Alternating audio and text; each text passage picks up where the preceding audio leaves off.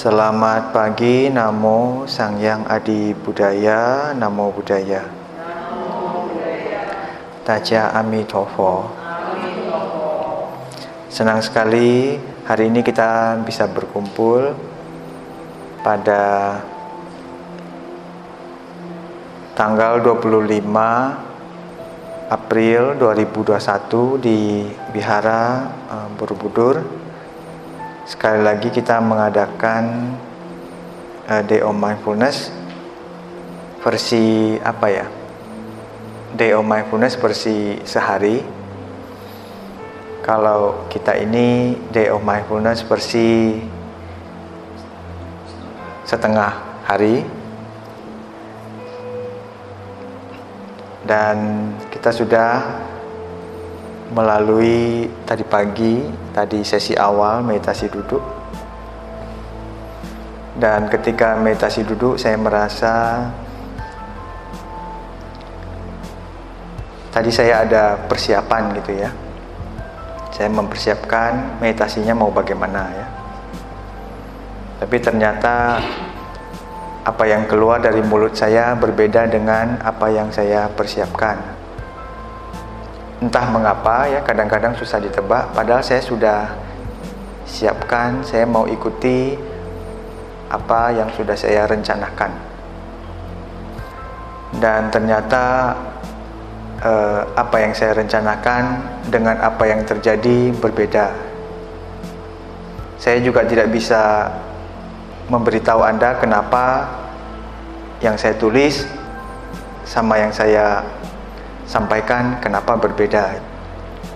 Mungkin karena saat saya menulis adalah dua jam yang lalu. Setelah dua jam berlalu ya, setelah duduk di sini, apa yang saya tulis tidak jadi saya sampaikan. Bukan karena saya uh, tidak konsisten, bukan. Juga bukan karena saya melekat pada apa yang saya rencanakan. Jadi ini suatu kesempatan untuk melihat aja kenapa demikian. Lalu juga banyak kesempatan apa yang saya tulis ya itu yang saya sampaikan. Banyak juga seperti itu. Jadi kadang-kadang ada sesuatu yang terjadi sehingga membuat ada perubahan. Lalu perubahannya juga perlu kita apa ya sesuaikan. Rencana kita adalah pagi pertama-tama sesinya adalah menyanyi bersama. Tapi karena mungkin ada error sedikit terus ada sesuatu yang memang tidak bisa saya duga ya. Jadi akhirnya jadwalnya saya ganti sedikit menjadi ya sudah meditasi duduk duluan. Apakah saya tidak konsisten? Ya benar. Tapi tidak konsisten ini tidak selalu jelek karena ada kondisi seperti itu kalau saya masih maksa mungkin kita akan habiskan waktu terlalu banyak. Lalu kenapa saya harus melekat pada harus menyanyi duluan? Lalu habis meditasi duduk baru kita nyanyi, ternyata bagus juga ya. Jadi berubah itu tidak selalu jelek sebetulnya. Karena ada orang yang agak melekat pada pada apa yang dia dia rencanakan ya. Tapi memang bagus loh ya kalau kita bikin rencana, ya kita laksanakan sebaik-baiknya.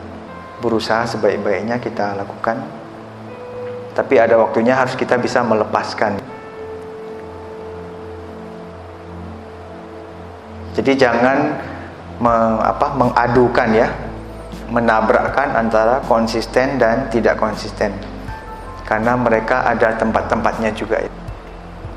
Contohnya saya konsisten untuk uh, berlatih napas. Nah, itu sangat bagus sekali konsistennya. Bukan berarti oh hari ini saya malas ya, saya tidak mau uh, praktek meditasi napas bukan. Dan Anda juga konsisten ya. Wajah-wajah Anda nih setiap bulan mungkin saya sudah mulai hafal ya siapa aja yang rajin datang. Karena memang acara kita dibikin agak kecil ya, tidak terlalu besar. Jadi orangnya juga sangat terbatas. Ini orang-orang yang wajahnya sudah saya hafal gitu ya. sudah saya cirikan ya. Tapi ada 10%, 20% selalu ganti-ganti orang. Adalah ya sedikit tidak apa-apa. Dan saya juga sudah menulis ya beberapa poin yang mau saya sampaikan. Jadi saya selalu bikin rencana ya. Tapi selama ini saya selalu uh, merasa apa yang saya rencanakan selalu gagal. Entah kenapa ya. Jadi tapi kegagalan itu tidak selalu saya anggap jelek. Nah, itu itu dia ya. Karena gagal itu ada ada pesannya ya. Ada pesan juga.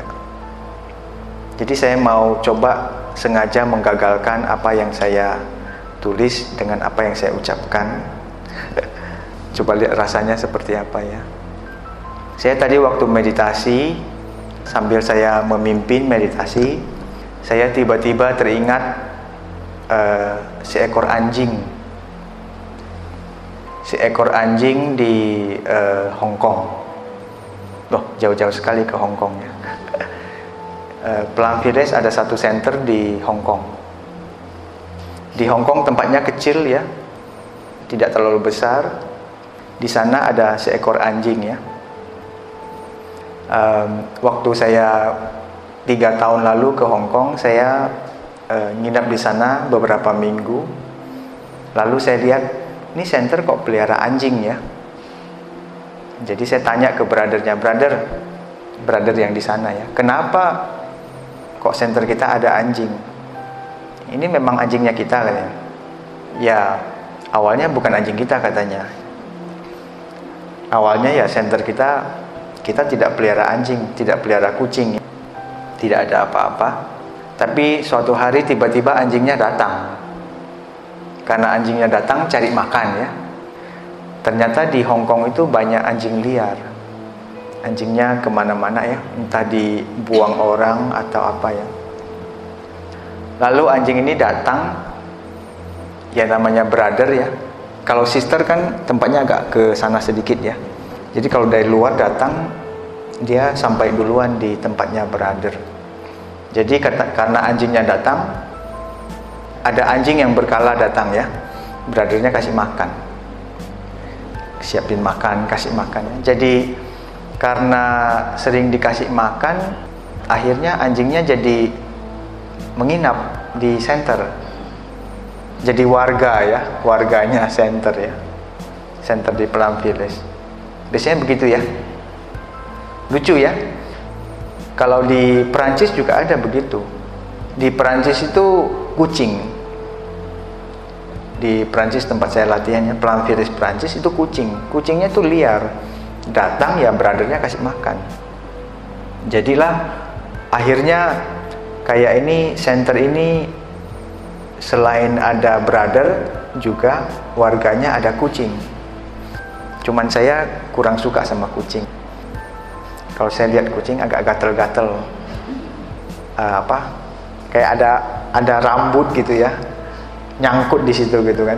Jadi saya kurang suka sama kucing ya. Jadi setiap kali melihat kucing saya selalu menghindar. Tapi bule-bule brother yang apa ya dari Perancis ya dari Amerika mereka suka sama kucing karena kucing itu tenang ya mungkin saya aja yang nggak suka sama kucing. Lalu kita balik lagi ke Hong Kong ya. Tadi ke Perancis balik lagi ke Hong Kong. Jadi anjing itu dikasih makan akhirnya dia jadi warga dari Village Hong Kong. Uh, dan anjingnya itu kita bisa melihat anjing itu tenang atau tidak tenang. Anjingnya uh, tidak terlalu bikin ribut ya tidak sembarang gigit ya itu baik baiklah anjingnya ya makanya di di apa di dijaga dan yang menarik adalah uh, setiap kali kita ada meditasi jalan ya. jadi kalau uh, di Plum Village Hong Kong setiap hari kita ada meditasi jalan ya, kecuali hari Senin ya. Jadi setiap kali kita ada meditasi jalan, kita berkumpul ya, brother, sister berkumpul ya. Lalu ketika kita sebelum meditasi jalan, kita nyanyi dulu. Nyanyi lagu ya bersama-sama sambil menunggu orang datang. Anjingnya juga datang ikut. Dia nongkrong juga di situ ya. Setelah nyanyi ya, kita meditasi jalan, dia juga ikut.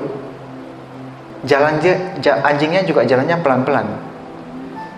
Terus ya saya sambil lihat lah ya oh bagus juga ya anjing juga ikut meditasi jalan ya jadi malu kalau saya tidak datang ya. Jadi uh, saya merasa binatang aja bisa merasakan uh, suatu energi tenang ketika dia berkumpul sama brother sama sister saat meditasi jalan. Seharusnya manusia punya kemampuan lebih besar daripada itu ya. Seharusnya ya. Lalu uh, ada suatu hari kita uh, seperti biasa meditasi jalan lagi. Ya kita bernyanyi, sisternya juga sudah datang ya. Biasanya brother sama sister meditasi jalan bersama ya, nyanyi ya. Lalu pada hari itu anjingnya entah hilang ke mana. Jadi anjingnya entah hilang ke mana terus sisternya sister nanya ke kita kan mana ini member uh, brother satu lagi katanya. Kita kan bingung member mana. Perasaan brother sudah lengkap semua ya. Itu loh member yang satu lagi itu yang kakinya empat dia bilang kan. Oh si itu ya. Nggak tahu ya ke mana itu ya. Jadi ternyata uh, si anjingnya hilang. Entah hilang ke mana. Dan uh, kita juga tidak tahu dia hilang ke mana ya. Karena dia ini member suka-suka hati dia ya. Ada makanan dia datang ya. Entah apa yang terjadi dia hilang. Beberapa hari nggak lihat anjing tersebut rasanya sedih gitu ya. Biasanya dia ada ya tidur di mana ya nongkrong di mana ya dikasih makan dia makan. Beberapa hari tidak ada anjing itu rasa sedih gitu jangan-jangan ditangkap sama orang dibikin apa ya dibikin sate atau dibikin kari. Kesian juga ya. Jadi beberapa hari merasa sedih karena kehilangan anjingnya yang awalnya kan nggak ada ya. Lalu jadi ada lalu tidak ada lagi.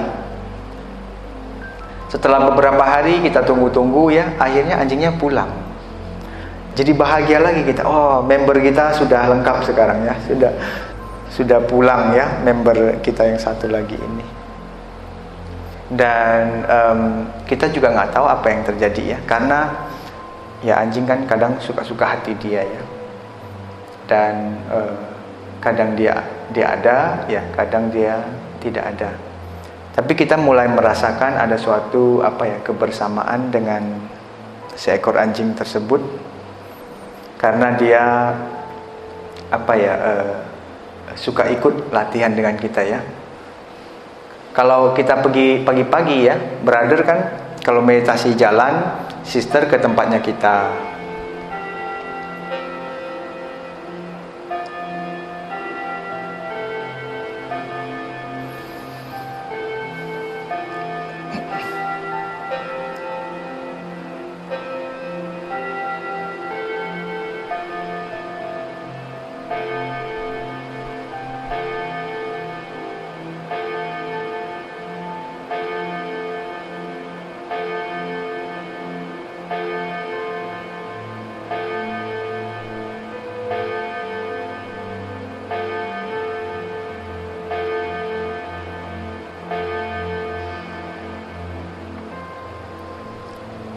Kalau kita meditasi jalan, sister ke tempatnya kita.